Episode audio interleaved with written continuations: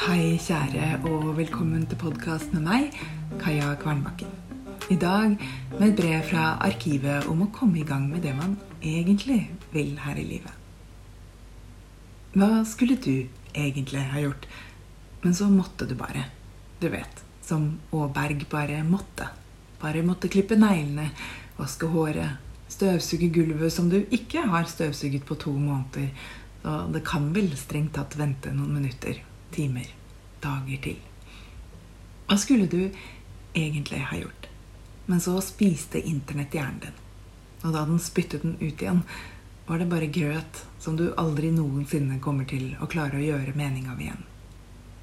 Hva skulle du egentlig ha gjort? Hva var det du kjente som fikk det til å verke i brystet på deg?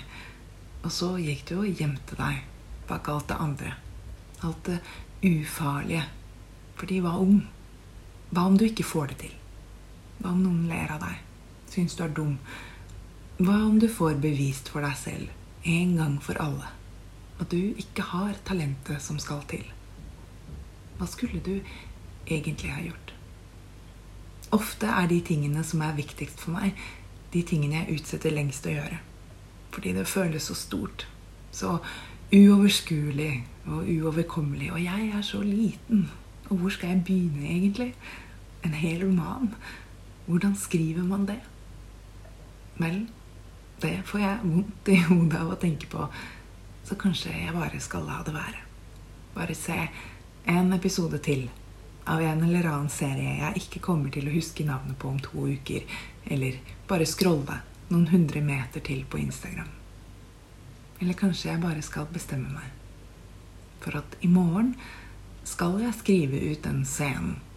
Den hvor de to viktigste bikarakterene krangler med hverandre om hvem av dem som er viktigst for hovedpersonen.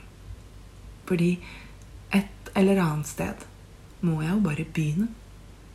Hvor begynner du? I kjærlighet. Din Kaja.